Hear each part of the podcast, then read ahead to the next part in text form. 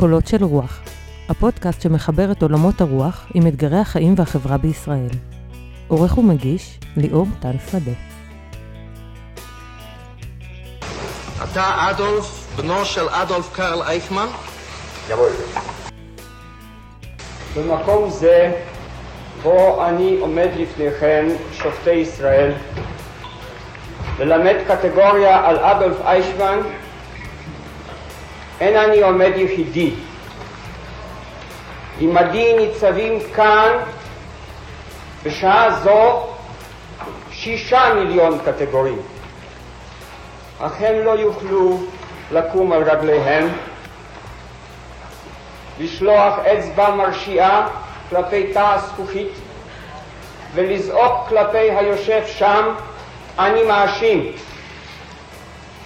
מפני שעפרם נערם בין גבעות אושוויץ ושדות טרבלינקה, נשטף בנהרות פולין, וקבריהם פזורים על פני אירופה, לאורכה ולרוחבה. דמם זועק,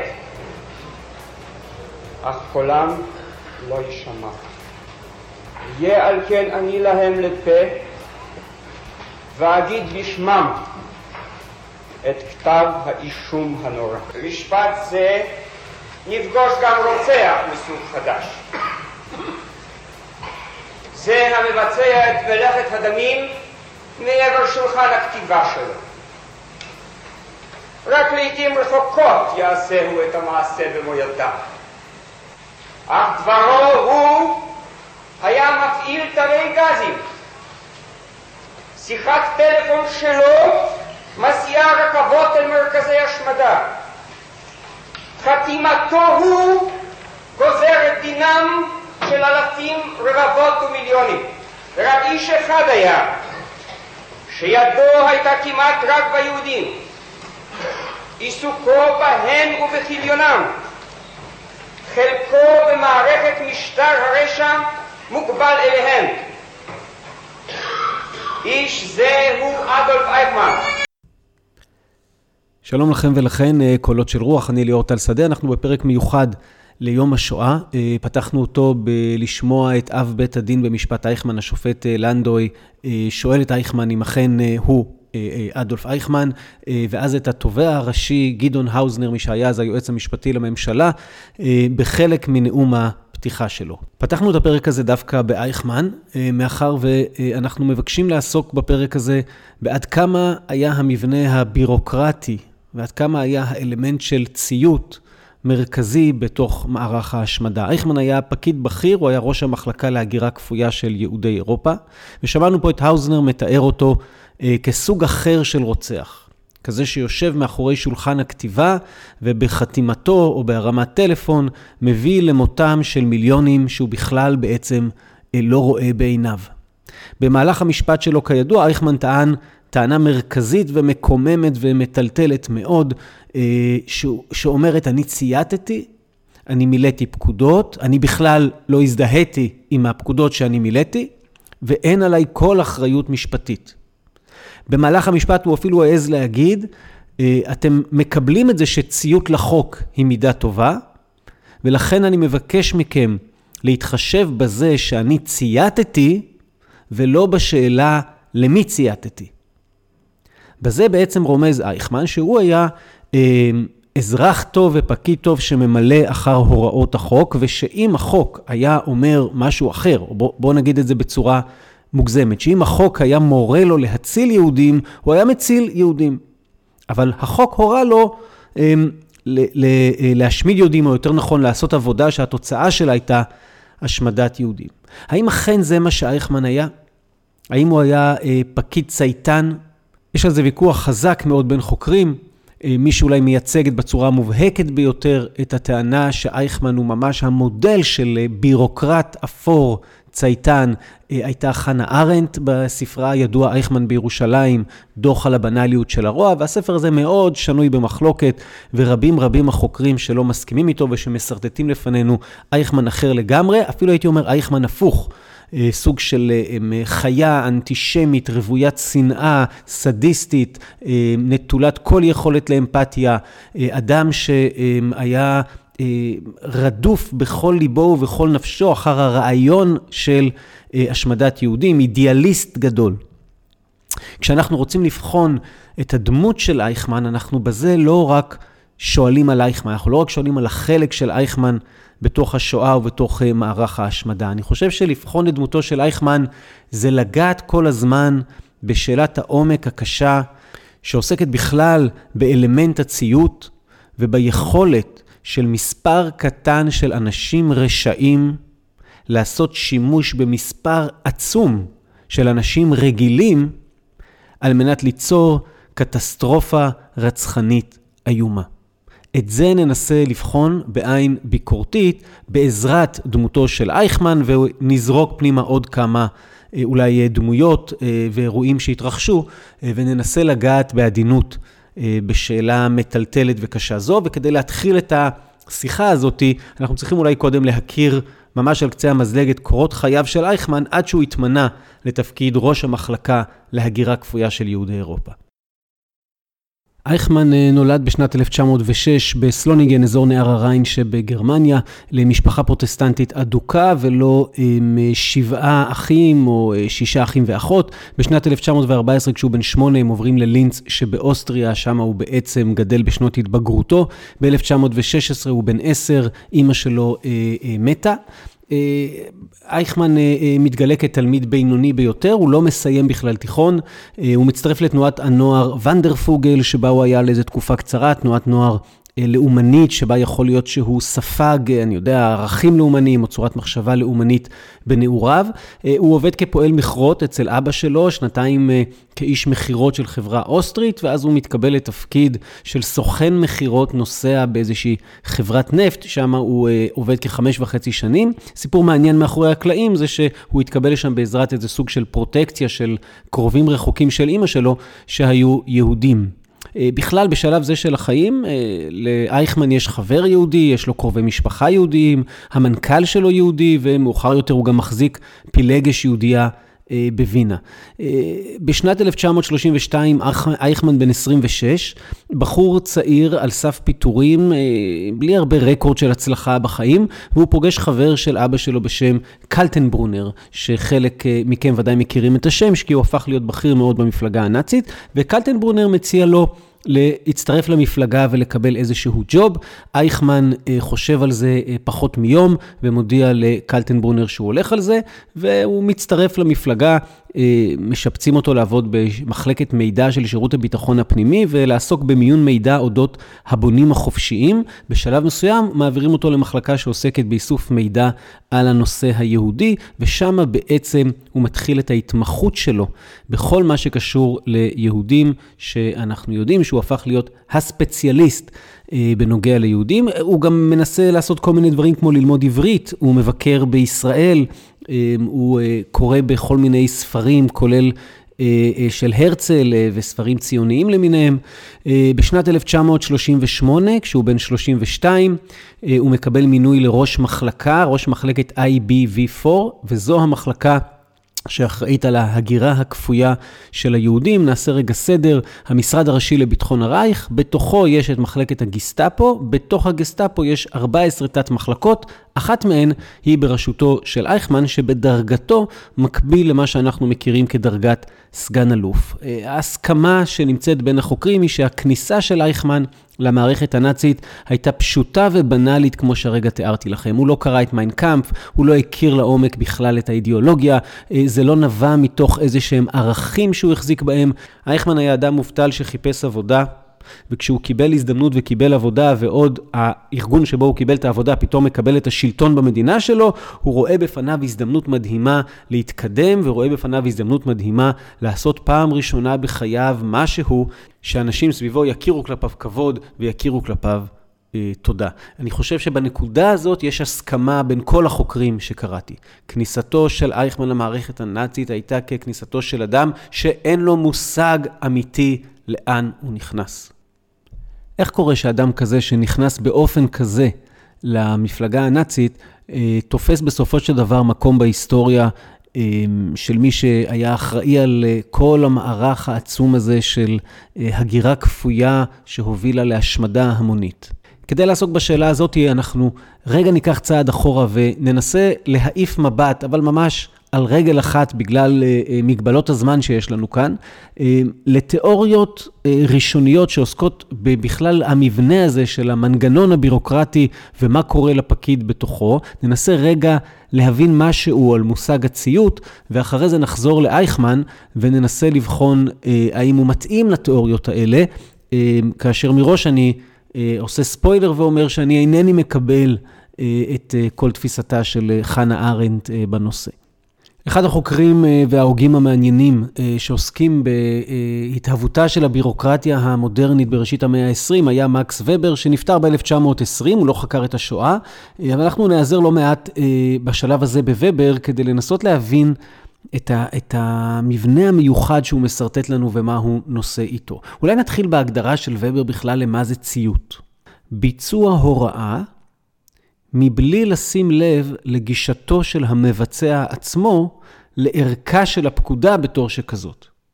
זאת אומרת, אסור לנו להתבלבל עם למלא הוראה אחרי שהפעלתי שיקול דעת, יש לי איזשהו אמון במערכת, אני אומר לעצמי, אוקיי, יש לי תפקיד מצד אחד, יש לי את האמונות הפרטיות שלי מצד שני, אני עושה איזשהו תהליך פנימי עם עצמי, ואני מקבל החלטה אה, מה אה, נכון לי לעשות באיזונים הנכונים האלה, אלא הציות הוא לבצע את ההוראה כשהשאלה מה אני חושב על ההוראה, אה, כיצד אני בוחן מבחינה ערכית את ההוראה, היא לא רלוונטית.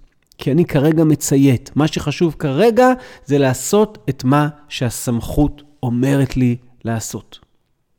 ובר מלמד אותנו שבעצם אנחנו מצייתים לכמה סוגים של סמכויות. ישנה סמכות אה, חוקית, ישנה סמכות כריזמטית וישנה סמכות מסורתית. ננסה על רגל אחת להסביר כל אחת מהן. הסמכות החוקית היא סמכות שבה אני למעשה מאמין בחובה שלי לציית לחוק. ואני מציית למה שאומר אדם מסוים בגלל שעל פי ההגדרה בחוק, מותר לו להורות לי לעשות את המעשה הספציפי שהוא מורה לי לעשות. בסמכות חוקית יש אמ, נוהל מאוד מסודר, שבו כל אדם יש לו סל מסוים של סמכויות במסגרת תפקידו. ביום שבו האדם הזה יחליף את התפקיד ומישהו אחר ייכנס לתפקיד, אני אציית למישהו האחר, וגם זה רק במסגרת סל הסמכויות שלו, כי בעצם אני מציית לחוק. ואני מציית לאיש הזה רק בגלל שהחוק מורה לי שבנושא הזה, בעשייה הזו, לאיש הזה יש סמכות כלפיי. הסמכות החוקית, אה, אני בעצם רואה את עצמי כפוף למערכת של החוק. הסמכות הכריזמטית שונה מאוד. סמכות הכריזמטית, יש אדם שלתפיסתי משהו בו מבטא כמעט, הייתי אומר, את העל-אנושי, את האמת הגדולה, את, ה, את הדבר הזה שהוא העתיד. והאדם הזה שמייצג את האמת הגדולה ואת העתיד, מה שהוא אומר צריך לעשות. למה? כי הוא אמר. בסמכות הזאתי, מילה של אדם תהפוך בעצם לחוק, פשוט כי הוא אמר את זה. תהפוך לחוק בשבילי, אוקיי? זאת אומרת, איך נדע למשל שיש למישהו סמכות כריזמטית?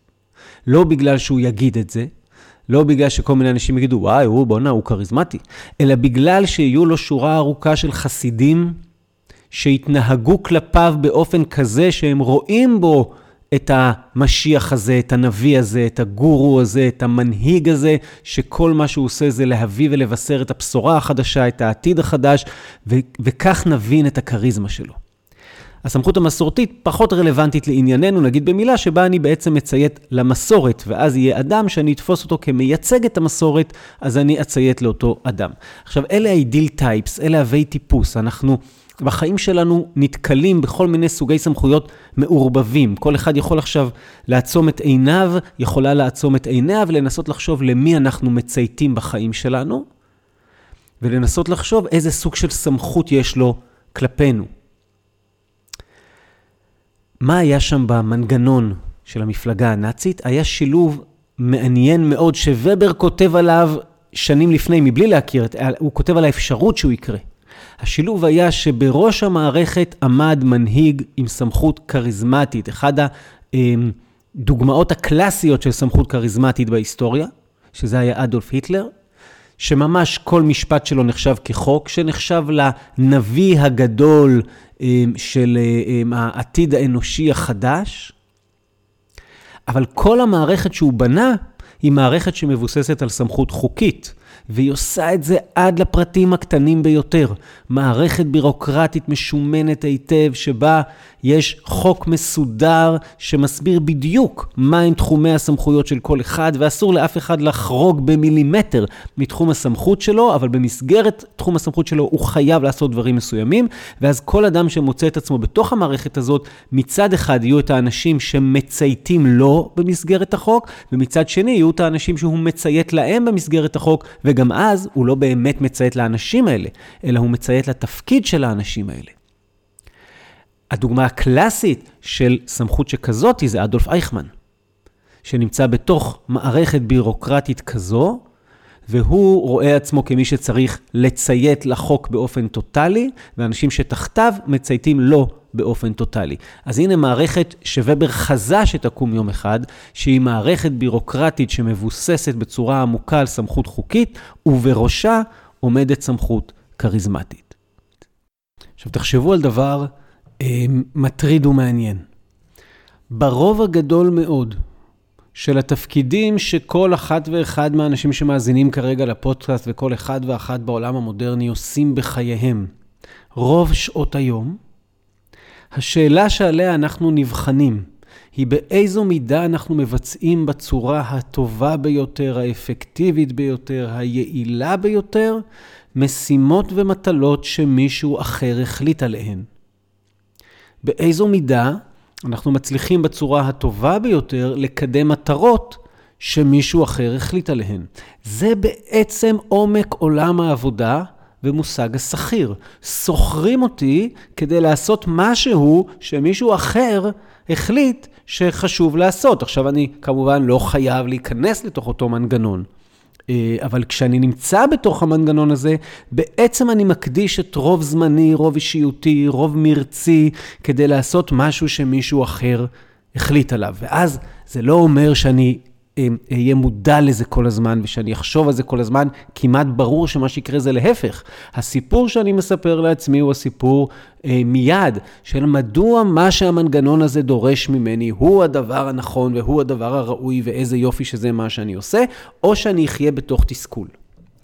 צריך להבין שכל הבירוקרטיה היא מבנה מהסוג הזה. זה מבנה שמבוסס על ציות, כל אחד עושה רק חלק בתוך השלם הגדול, אני רחוק בדרך כלל מלראות את התמונה הגדולה, וודאי רחוק מלחוש בידיי את תוצאותיה, והמטרות שעליהן אני עובד, הם בעצם האמצעים של הדרג שמעליי. את זה צריך להבין, אני אגיד את זה עוד פעם. אני עובד על מטרה מסוימת, כמו שתדמיינו אה, אה, שבונים בניין. אוקיי? אז עכשיו אה, מנהל העבודה מקבל אה, כמשימה אה, שאותה הוא אחראי כלפיה עם הפועלים שלו, לבנות את היסודות. עכשיו, היסודות זאת לא המטרה, המטרה זה הבניין. מי שרואה את הבניין זה הארכיטקט, מי שרואה את הבניין זה הקבלן. אוקיי? אבל עכשיו הם, המטרה שלהם היא בעצם אמצעי, כדי שעל האמצעי הזה יוכלו לבנות את הקומה הבאה וכן הלאה. יש הרבה מאוד אמצעים, שמי שעובד על אותו אמצעי, כרגע בשבילו זאת משימתו, זאת אומרת, זאת המטרה שלו. המבנה הזה אומר לנו, אה, ובר, כשהוא מצליח, אה, הוא משתלט על כל אישיותו של הבירוקרט הבודד שנמצא בתוכה, והכל נעשה על בסיס רציונלי. באיזה מובן על בסיס רציונלי? זאת אומרת, הכל בנוי באופן לוגי, חכם, מושכל, של איך, כמו, כמו שבנויה מכונה. Okay. אוקיי? ואז הוא אומר לנו ככה, מכל אותם, זה ציטוט, מכל אותם הכוחות המפחיתים את חשיבותה של פעילות אינדיבידואלית, הכוח הנחרץ ביותר הוא המשמעת הרציונלית. תוכנה של משמעת אינו אלא הביצוע הרציונלי, העקיב, המדויק והמתורגל שיטתית של הפקודה שנתקבלה, אשר בו כל ביקורת אישית מושהית ללא תנאי. הבירוקרט הבודד, אומר ובר, אינו יכול להיחלץ מהמנגנון בו הוא רתום. הבירוקרט המקצועי כבול לפעילותו על ידי כל הווייתו הגשמית והאידיאלית. המשמעת של מנגנון הפקידות מתייחסת אל מערכת העמדות של הפקיד, זאת אומרת, מבחינת משמעת אני חייב כרגע אמ, שתהיה לי עמדה מסוימת, ולצורך לציות מדויק במסגרת הפעילות המורגלת שלו. עמדתו של הפקיד היא בגדר חובה. שימו לב שהתיאוריה הזאת של ובר, שמאז פותחה כבר על ידי אה, אה, רבים, היא לא אומרת רק שהמערכת יכולה לגרום לאנשים שבתוכה לציית, ולא, גם כשהם לא מסכימים למהות הפקודה.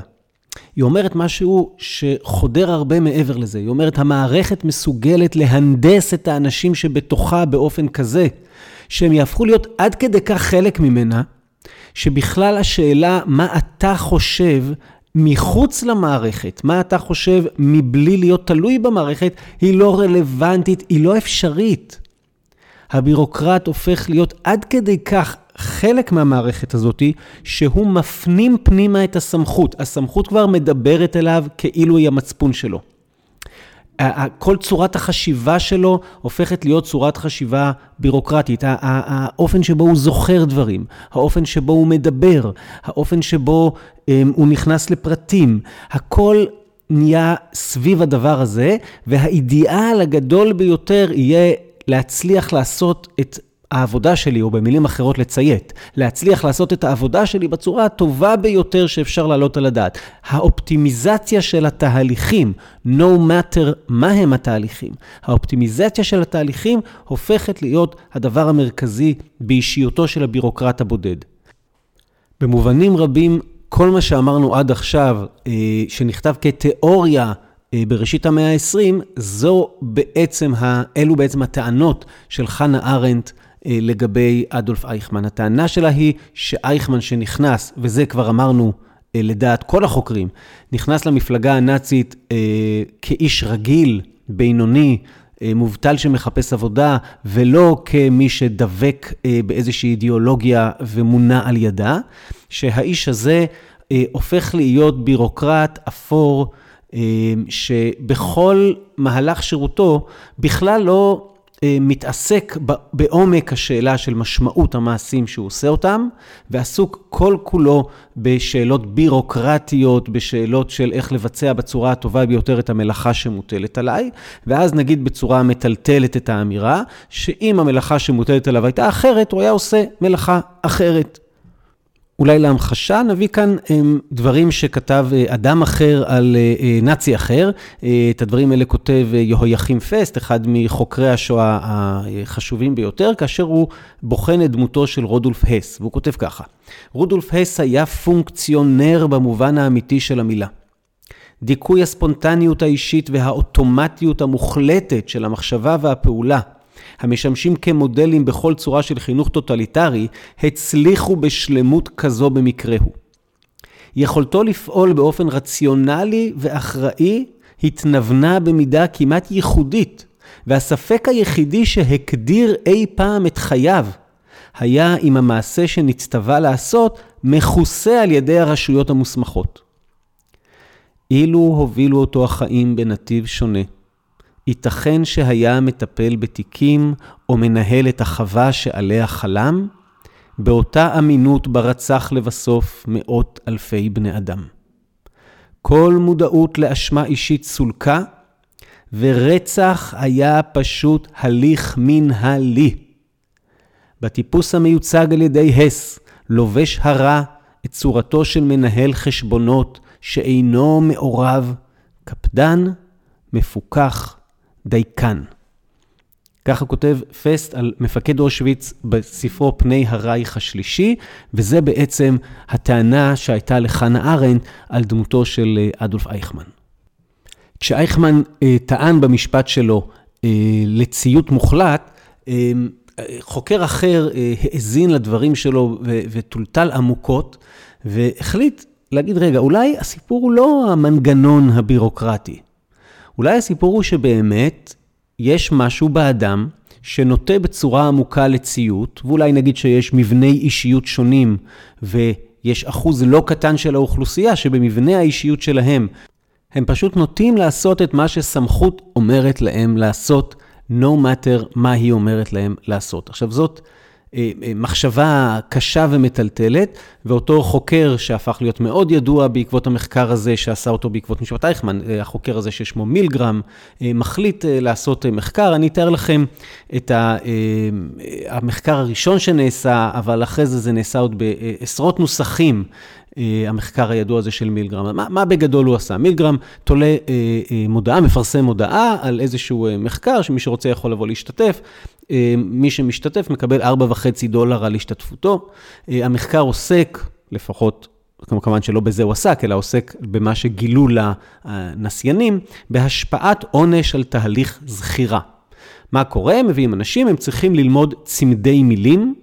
עושים הגרלה, במרכאות, כאשר האנשים מחולקים בעקבות ההגרלה לכאלה שיבחנו וכאלה שייבחנו. כמובן שה... אלה שנבחנו היו שחקנים, ואז הם, הם שמים את אלה שנבחנים במעין חדר שיש עליו מין כיסא חשמלי כזה, שמחברים לך אלקטרודות, ונותנים למי שהולך לבחון אותם לראות את החדר ואת הכיסא ואיפה הם מחוברים, ואז מהצד השני של אותו קיר בחדר אחר, יש מין לוח עם 30 מתגים, ועל יד כל מתג כתוב הלם נמוך, הלם בינוני, הלם חמור. ואומרים לו, עכשיו אתה בעזרת מיקרופון שיש בשני הצדדים, אתה תבחן אותו על צמדי המילים. בכל פעם שהוא לא זוכר מילה, אתה צריך ללחוץ על כפתור שייתן לו איזה שוק חשמלי קטן. וככל שהוא יותר לא זוכר, ככה אתה תעלה במעלה הכפתורים, עד שממש תגרום לכאב גדול. אבל אל תדאג, שום דבר לטווח ארוך לא יכול לקרות. זאת אומרת, לוקחים אנשים ושמים אותם בסיטואציה שבה כדי לבחון את השפעת העונש על תהליך הזכירה, הם צריכים לגרום כאב לאנשים אחרים. בניסוי הראשון היו בו 40 גברים בגילאי 20 עד 50 מעבודות שונות. מקור הסמכות, זאת אומרת, הכאילו מדען עמד לידם עם חלוק לבן כזה, ואמר להם, קדימה, תמשיכו. אם מישהו היה שואל אותו או מביע התנגדות תוך כדי, היו ארבע תשובות שניתן לתת. בבקשה, המשך, הניסוי דורש שתמשיך, זה חיוני שתמשיך בניסוי, אין ברירה, אתה חייב להמשיך בניסוי. עכשיו, אני מזכיר, אין בדל כפייה, זה נעשה באוניברסיטה, כל הסיפור הוא תמורת ארבע וחצי דולר, ופשוט מה שמילגרם ניסה לעשות זה להגיד, בואו נראה האם אנשים באמת יעזו. לגרום כאב למישהו מהצד השני, ואנחנו לא נעשה להם את זה קל, אלא תוך כדי האדם בצד השני יצרח והם ישמעו את הצרחות, ידפוק על הקיר והם ישמעו את הדפיקות, אפילו כדי להגיע לאיזושהי דרמה גדולה. באיזשהו שלב ככה למעלה למעלה, כשכבר ממש מכות החשמל לכאורה חזקות, אנחנו נגרום לצד השני להשתתק. שהם ירגישו שעד כדי כך הם פגעו בו, שהוא כבר לא מסוגל לצעוק, ונראה מה יקרה לאנשים. האם אנשים אה, ילחצו על המתג? עכשיו, אני משער שחלק לא קטן מהמאזינים מכירים את הניסוי, אבל לפני שנעשה הניסוי, אה, חילק מילגרם שאלונים לפסיכולוגים חשובים אה, באוניברסיטה, לשאול אותם מה הם מהמרים שיהיו תוצאות הניסוי, וכמובן שההימור שלהם היה באזור של אף אחד ודאי לא ילחץ עד הסוף, ורבים יפרשו בשלבים כאלו ואחרים, ותוצאות הניסוי הדהימו את כולם. הדרגות היו 1 עד 30, 100 אחוז המשיכו עד דרגה 20, 14 הפסיקו בין דרגה 20 לדרגה 30, ו-26 המשיכו עד הסוף. זאת אומרת, רוב האנשים שהתיישבו שם, גרמו כאבים אדירים, לפי מה שהם יודעים, זה כמובן היה משחק, הם לא ידעו את זה, כאבים אדירים אה, לצד השני, אה, פשוט כי המדען אמר להם לעשות את זה. עשו עוד הרבה גרסאות של הניסוי הזה, אגב, בין היתר, הייתה טענה שאומרת שכנראה הסיפור הוא גם מגדרי, ולכן עשו ניסוי כזה עם נשים, כדי לראות האם כרגע יהיה איזה שינוי דרמטי. היה שינוי קל, נשים צייתו יותר.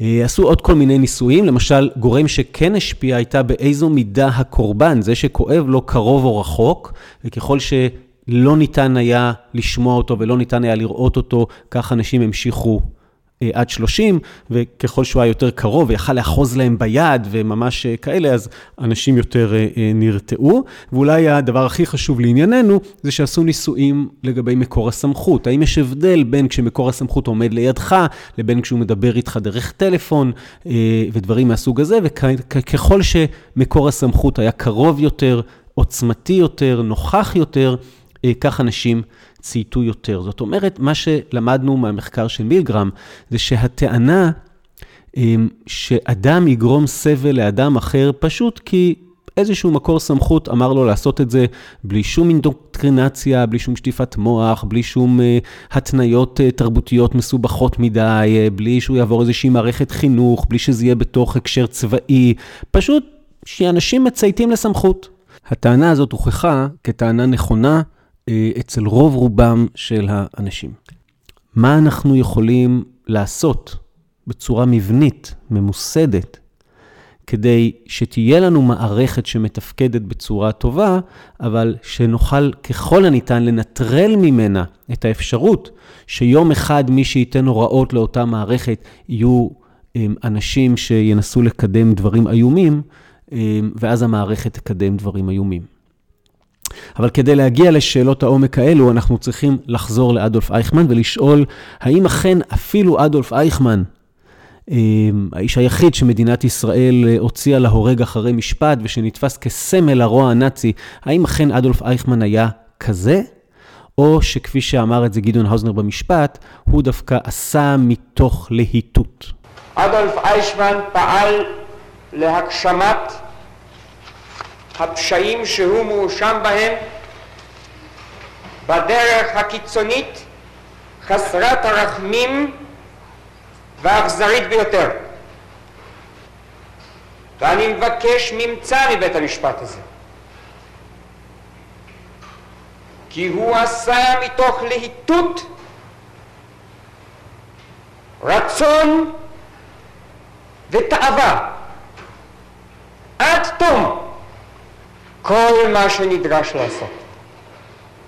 אז האם האוזנר צדק, והאם אכן אייכמן פעל כך מתוך להיטות ומתוך שכנוע פנימי עמוק ואפילו אכזריות, באופן שמוכיח בצורה ברורה שלא מדובר פה באיזה פקיד אפור, או שאולי דווקא מתארי הפקיד האפור צדקו יותר. אני לפני לא מעט שנים, ב... 2004-2005 הקדשתי הרבה מאוד זמן לדבר הזה, כתבתי מחקר MA שעסק במתח שבין בירוקרטיה וחירות, ולקחתי את אדולף אייכמן כחקר מקרה, ובמרכאות ביליתי שעות רבות בלהאזין לקטעים של אייכמן מהמשפט, לקרוא את הפרוטוקולים ולקרוא לא מעט מחקרים עליו, אחרי זה גם התפרסם חלק מהיומן של אייכמן, ומתוך לטבוע בחומרים האלה, אני רוצה לנסות להציג איזושהי תפיסה.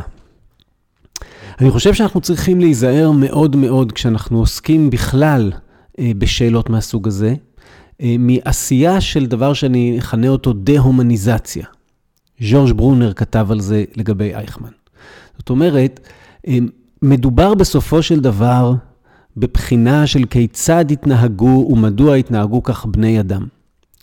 וההליכה לשני הקצוות, ההליכה לקצה שמתאר את אייכמן כאיזה מפלצת סדיסטית מרושעת, וההליכה לקצה שמתאר את אייכמן כפקיד אפור, תמים, שניהם לוקחים ממנו משהו מאוד מרכזי באישיותו, ולכן בעצם גם חוטאים לאמת. עכשיו, כן, יש הרבה מאוד נתונים ועדויות שאפשר על בסיסם לתאר את אייכמן כאותו פקיד. קודם כל, תראו, אייכמן אה, בהתחלה לא קיבל פקודה לייצר הגירה אה, מהסוג אה, המשמיד. אייכמן בהתחלה עבד הרבה מאוד זמן על שלוש תוכניות הגירה, אחת מהן הוא עסק בשנה שלמה, תוכנית מדגסקר שדיברה על לפנות ארבעה מיליוני יהודים מאירופה אל האי הצרפתי שליד החוף הדרום-מזרחי של אפריקה, ושיהיה להם שמה מעין מדינה, כמובן שהם לא חשבו על מדינה שבה היהודים יעשו מה שהם רוצים, אבל הוא, הוא עבד על תוכניות הגירה, תוכנית ניסקו, תוכנית מדגסקר, תוכנית רייזנשטט, מתוך, הקדיש לזה את כל יומו, מתוך הבנה שמה שכרגע דורשות הפקודות זה את זה. יש לנו שורה ארוכה של עדויות של קצינים נאצים שהכירו היטב את אייכמן, שעבדו עם אייכמן, וכולם כמעט אולי חוץ מאחד, מתארים את אייכמן בתור הפקיד האולטימטיבי, בתור זה שלא היה זז בלי לבדוק האם הדבר הזה מכוסה על ידי ההוראות, אבל לא רק הוא לא היה יוזם ובודק שזה מכוסה על ידי ההוראות, אלא הוא היה מנסה לייצר בצורה הטובה ביותר את מה שההוראות הורו לו שזו המטרה. אנחנו יכולים לראות הרבה מאוד השפעות של הבירוקרטיזציה על אופן החשיבה של אייכמן, על השפה של אייכמן. במהלך המשפט הוא פשוט התיש הרבה פעמים את השופטים כאשר שאלו אותו שאלה, והוא נכנס לפרטי פרטים הקטנים ביותר של באיזה צבע עיפרון היה צריך לאשר את מה ודרך מי זה עבר, והשופטים נזפו בו שוב ושוב על, ה, על הדברים האלה, וכאילו זה היה נראה שזה החיים שלו ושהוא לא יכול לתאר כמעט. שום דבר אחר, וארנט מדגישה מאוד את הדברים האלה אה, בתוך הכתיבה שלה. ולא סתם היא הגיעה לביטוי היום, אבל העמוק, הבנאליות של הרוע. מה זה רוע בנאלי? רוע בנאלי זה רוע שהוא לא אה, אה, רוע לשם רוע, הוא גם לא רוע שנובע מתוך תפיסת עולם, והוא גם לא רוע שנמצא במוקד ההכרעה שלך, אלא הוא נלווה הוא בנאלי, הוא שולי לכל הסיפור, הוא בכלל לא במוקד. יכול להיות שהדבר שאתה עושה גורם להרסנות איומה, כן? ההבדל בין רוע בנאלי לרוע רדיקלי הוא לא מידת ההרסנות, אלא הסיפור הוא לא זה. למשל, הסיפור יכול להיות שאני מאמין שעליי למלא פקודות. הסיפור יכול להיות שאני רוצה להתקדם בצורה הטובה ביותר. אנחנו יכולים לראות, להבדיל, בחיי היומיום שלנו כל הזמן, סוג כזה של רוע בנאלי, שבו אדם רומס את זולתו, לא בגלל שהוא רוצה ברעת זולתו, הוא רוצה בטובת עצמו. כל הדברים האלה, אנחנו יכולים לראות אותם אמ, וכמעט להוכיח אותם לגבי אייכמן, אבל באותה מידה אנחנו יכולים למצוא אה, לא מעט אה, סימנים ועדויות לכך שאייכמן בשלבים שונים אה, ויותר ככל שהתקדמה המלחמה, התבטא בהתבטאויות אנטישמיות, דיבר על כל מיני תיאוריות ותפיסות אנטישמיות, ונראה היה, ויש על כך לא מעט סיפורים, אה, שהתחבר כבר בצורה עמוקה לשנאת היהודים. אה, אחרי המלחמה היה איזשהו עיתונאי פשיסט שמצא את אייכמן וראיין אותו בסתר, ואחרי זה לא פרסם את הריאיון, אבל כשאייכמן אה, נתפס והובא לישראל, אז הוא כבר פרסם את הריאיון, זה נקרא מסמכי זסן. אנחנו קוראים את הריאיון הזה ואנחנו רואים שעולה מתוכו דמות. לכאורה של אדם אה, שהוא כן אה, אה, שונא יהודים בצורה עמוקה ופועל מתוך אידיאולוגיה. זאת אומרת, יש לנו פה כאילו שתי דמויות שונות לגמרי, שמתנגשות אחת עם השנייה, ואני חושב שכל העניין הוא להבין ששתיהן נכונות. הפסיכולוגים שבדקו את אייכמן מצאו לפניהם אדם שאכן לוקה באיזושהי שפה בירוקרטית כזאת מוגבלת, אבל באותה מידה גם ראו שהוא מסוגל לשפה אחרת, וראינו את זה גם קצת ביומן שלו. הם טענו שהוא מביים את עצמו הרבה מאוד פעמים, אבל הוא לא מביים את עצמו במובן של אה, יש את האני הפנימי האותנטי, והוא מציג כלפי חוץ משהו אחר, אלא הוא מביים את עצמו באופן שהוא מאמין לעצמו. הוא נכנס כאילו לתוך תפקידים והוא הוא, הוא דבק בהם. הוא מתעלם ממשמעויות תוך כדי שהוא מצליח איכשהו אה, לשכנע את עצמו אה, בכל מיני דברים. כשמדובר באיש שאכן נכנס למפלגה הנאצית ועבר תהליך בתוך המנגנון הנאצי, שתהליך, מה שעמד במרכזו זה לא אידיאולוגיה. מה שעמד במרכזו זה לא שנאת יהודים. אבל שתוך כדי שעבר את התהליך הזה, דבקה בו חלק מהאידיאולוגיה. ודבקה בו חלק משנאת היהודים. והוא לא יכל כל הזמן לעשות את הפיצול הזה, הוא לא חי בתוך איזה מין שני עולמות שבעולם אחד אתה צריך לציית, ובעולם אחר ברור לך שהדבר שאתה מציית לו הוא איום ונורא. לא, אתה צריך לציית, ואתה כבר גם משכנע את עצמך שאתה מציית לדבר הנכון. מישהו אולי תיאר את זה בצורה הטובה ביותר, היה לטעמי גבריאל בך אה, מצוות התביעה של האוזנר, אה, שכותב 30 אה, שנה אחרי משפט אייכמן מאמר שנקרא מחשבות והרהורים 30 שנה לאחר משפט אייכמן, זה נמצא אונליין, וכותב בתוך המאמר כך: יש לדעתי להימנע, כמו ביחס לכל סוגי העבריינים, כך גם ביחס לפושעים נאצים, מהגדרות פשטניות, לפיהן מקוטלג אדם כזה בתיאור כגון סתם רוצח, או סתם פושע, רובוט מכני, בירוקרט טיפוסי. בני אדם הם אף פעם לא סתם משהו, אלא מזיגה של דברים, ועוברים שלבי התפתחות. זה היה גם המצב עם אייכמן. תחושתי הייתה שתחילה בחר להתמחות בנושא היהודי מפני שחשב שהדבר יסייע לקידומו בקריירה שלו. לאחר מכן מילא את התפקידים שהוטלו עליו בהקשר זה ביעילות, תוך גילוי יוזמה ותושייה שטניות, ובאופן הדרגתי הגיע להזדהות נפשית מלאה עם התפקיד הרצחני. אדם המטפל משך שנים באופן בלעדי ברצח המוני של אנשים חפים מפשע, גברים, נשים וטף, הרי הוא צפוי להיתפס לטירוף הדעת או לפתח מנגנון הגנה כלשהו, שבעזרתו הוא משתכנע כי הוא ממלא תפקיד ראוי, ושאיתו הוא מזדהה לחלוטין. חלופה אחרונה זו היא אשר אפיינה כאמור איש זה. כך כותב גבריאל בך על אה, אייכמן. האם בדיעבד, כשאייכמן יושב בבית המשפט בישראל, הוא מרגיש אשם בליבו?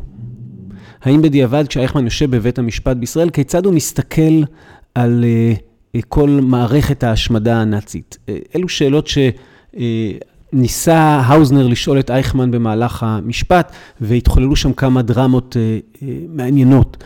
Uh, בשלב מסוים האוזנר ציטט בפני אייכמן דברים שהוא אמר uh, uh, בחקירה שלו במשטרה.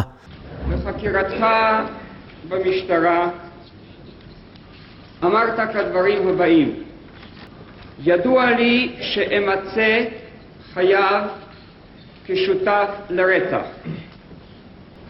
ידוע לי כי צפוי לי עונש מוות, ואינני מבקש רחמים, כי אין זה מגיע לי. כי אתה מוכן לתלות את עצמך בפומבי כדי לכפר על הפשעים האיומים שאירעו. זה כתוב מפיך בעמוד 361 של הודעתך.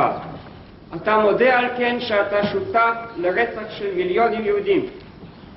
על השאלה הזאת השיב אייכמן אה, במילים, בכך לא אוכל להודות. בשאלת האשמה האנושית, כאן אני מתדיין עם עצמי באשר להשתתפותי. אמנם, אבל אין אני רואה עצמי אשם מבחינה משפטית. כאן הייתי מקבל פקודות ומבצע פקודות. האוזנר הגביר את קולו וצעק, שאלתי איננה משפטית.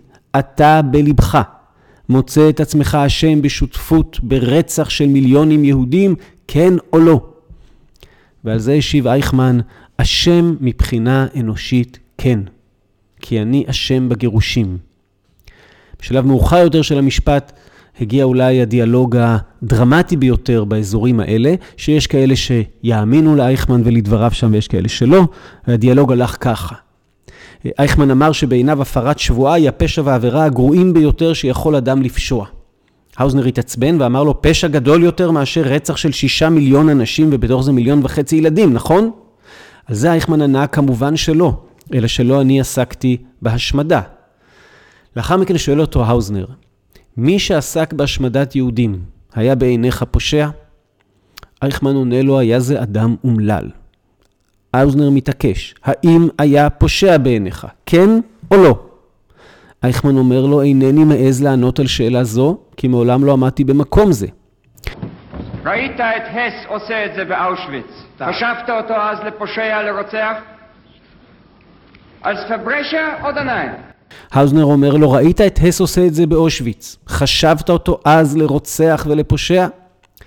אייכמן ממשיך לא להסכים לתת תשובה ברורה, ובשלב מסוים אומר, אמ, אני אינני מתכוון לגלות פה את רגשותיי הכמוסים ביותר, אבל אני אבקש אחרי המשפט שייתנו לי ללבן את הדברים, אולי בצורת ספר, ולהסביר אותם, ושמה אקרא לילד בשמו.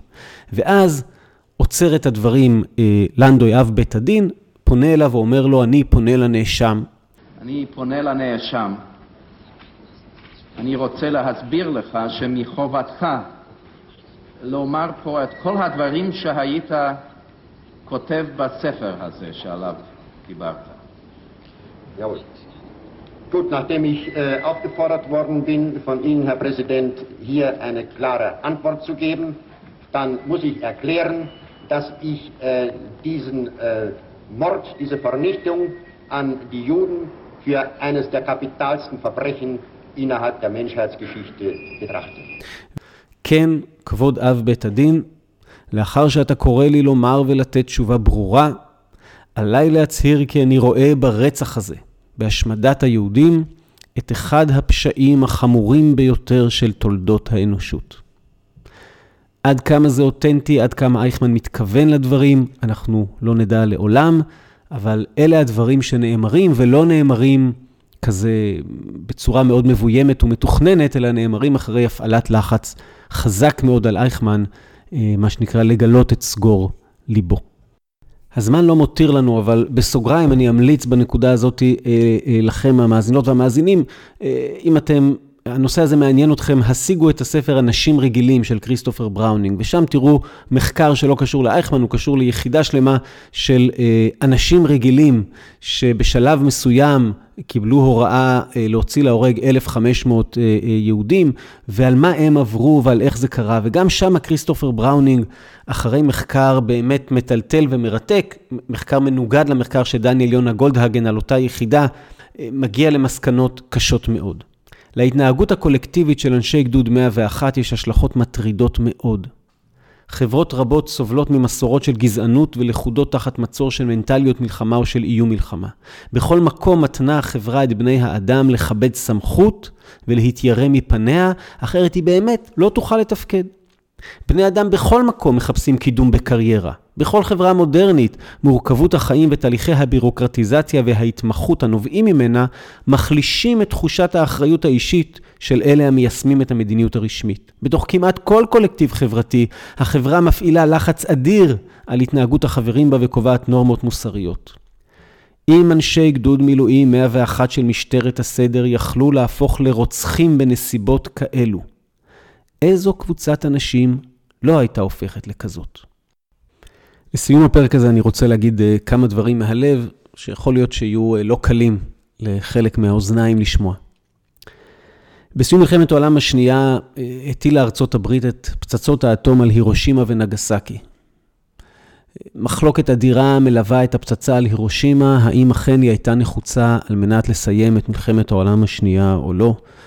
בפצצה הזאת, חוץ מהתקדים האיום והנורא של נשק אטומי, גם אה, נרצחו, נהרגו, איך שתראו את זה, 140 אלף איש. 140 אלף. אין כמעט שום מחלוקת שאחרי הירושימה, אה, יפן הייתה נכנעת, אבל שלושה ימים אחרי זה הטילו גם פצצת אטום על נגסקי, ככל הנראה מסיבות אה, פוליטיות ומסיבות של להראות לעולם כולו שזה לא היה חד פעמי ושהכוח עוד נמצא, או אני לא יודע למה. אבל אה, יש על זה הרבה מחלוקת וריב בין חוקרים, אבל הוטלה פצצת אטום שנייה, שגבתה עוד באותו יום את חייהם של 74,800 איש, ואנחנו יודעים שההשלכות של פצצות האטום במחלות וכן הלאה, היו עוד אה, אה, שנים רבות אחרי זה וכלפי עוד עשרות אה, ומאות אלפי אנשים. אני חושב שאסור לנתק את הטלת הפצצות על הירושימה ונגסקי מכל מוראות מלחמת העולם השנייה, למרות שעשה את זה הצד שאנחנו אוהבים, הצד של הטובים בתוך המלחמה הזאת. אה, זו חלק מהאימה שמערכת בירוקרטית אמריקאית הובילה למצב של לשלוח טייסים שלא רואים את קורבנותיהם, אה, להטיל את הפצצות האיומות האלה ולגבות כל כך הרבה חיים אה, בסוף הזוועה רבת השנים שהייתה שם. עכשיו זה קל לשבת בחדר ולשפוט את פצצות האטום אחרי שאנשים ניהלו מלחמה של שנים מול צורר נוראי, מלחמה שעלתה בחייהם של עשרות רבות מאוד של מיליונים של בני אדם, ולכן את הדברים האלה צריך לקחת בערבון מוגבל. אבל אחת התובנות העמוקות אה, מתוך הדבר הזה היא שבכל חברה, בכל תרבות, בכל עם, בכל קבוצת אנשים על פני כדור הארץ. יש את הפוטנציאל האיום והנורא של לעשות מעשים שאי אפשר בכלל להעלות אותם על הדעת, שהמשמעות שלהם היא סבל איום, אה, רצח ומוות. וכל אחד מאיתנו רוצה להרגיש שהוא לא חלק מחברה כזאת. אבל זה נמצא שם בכל מקום.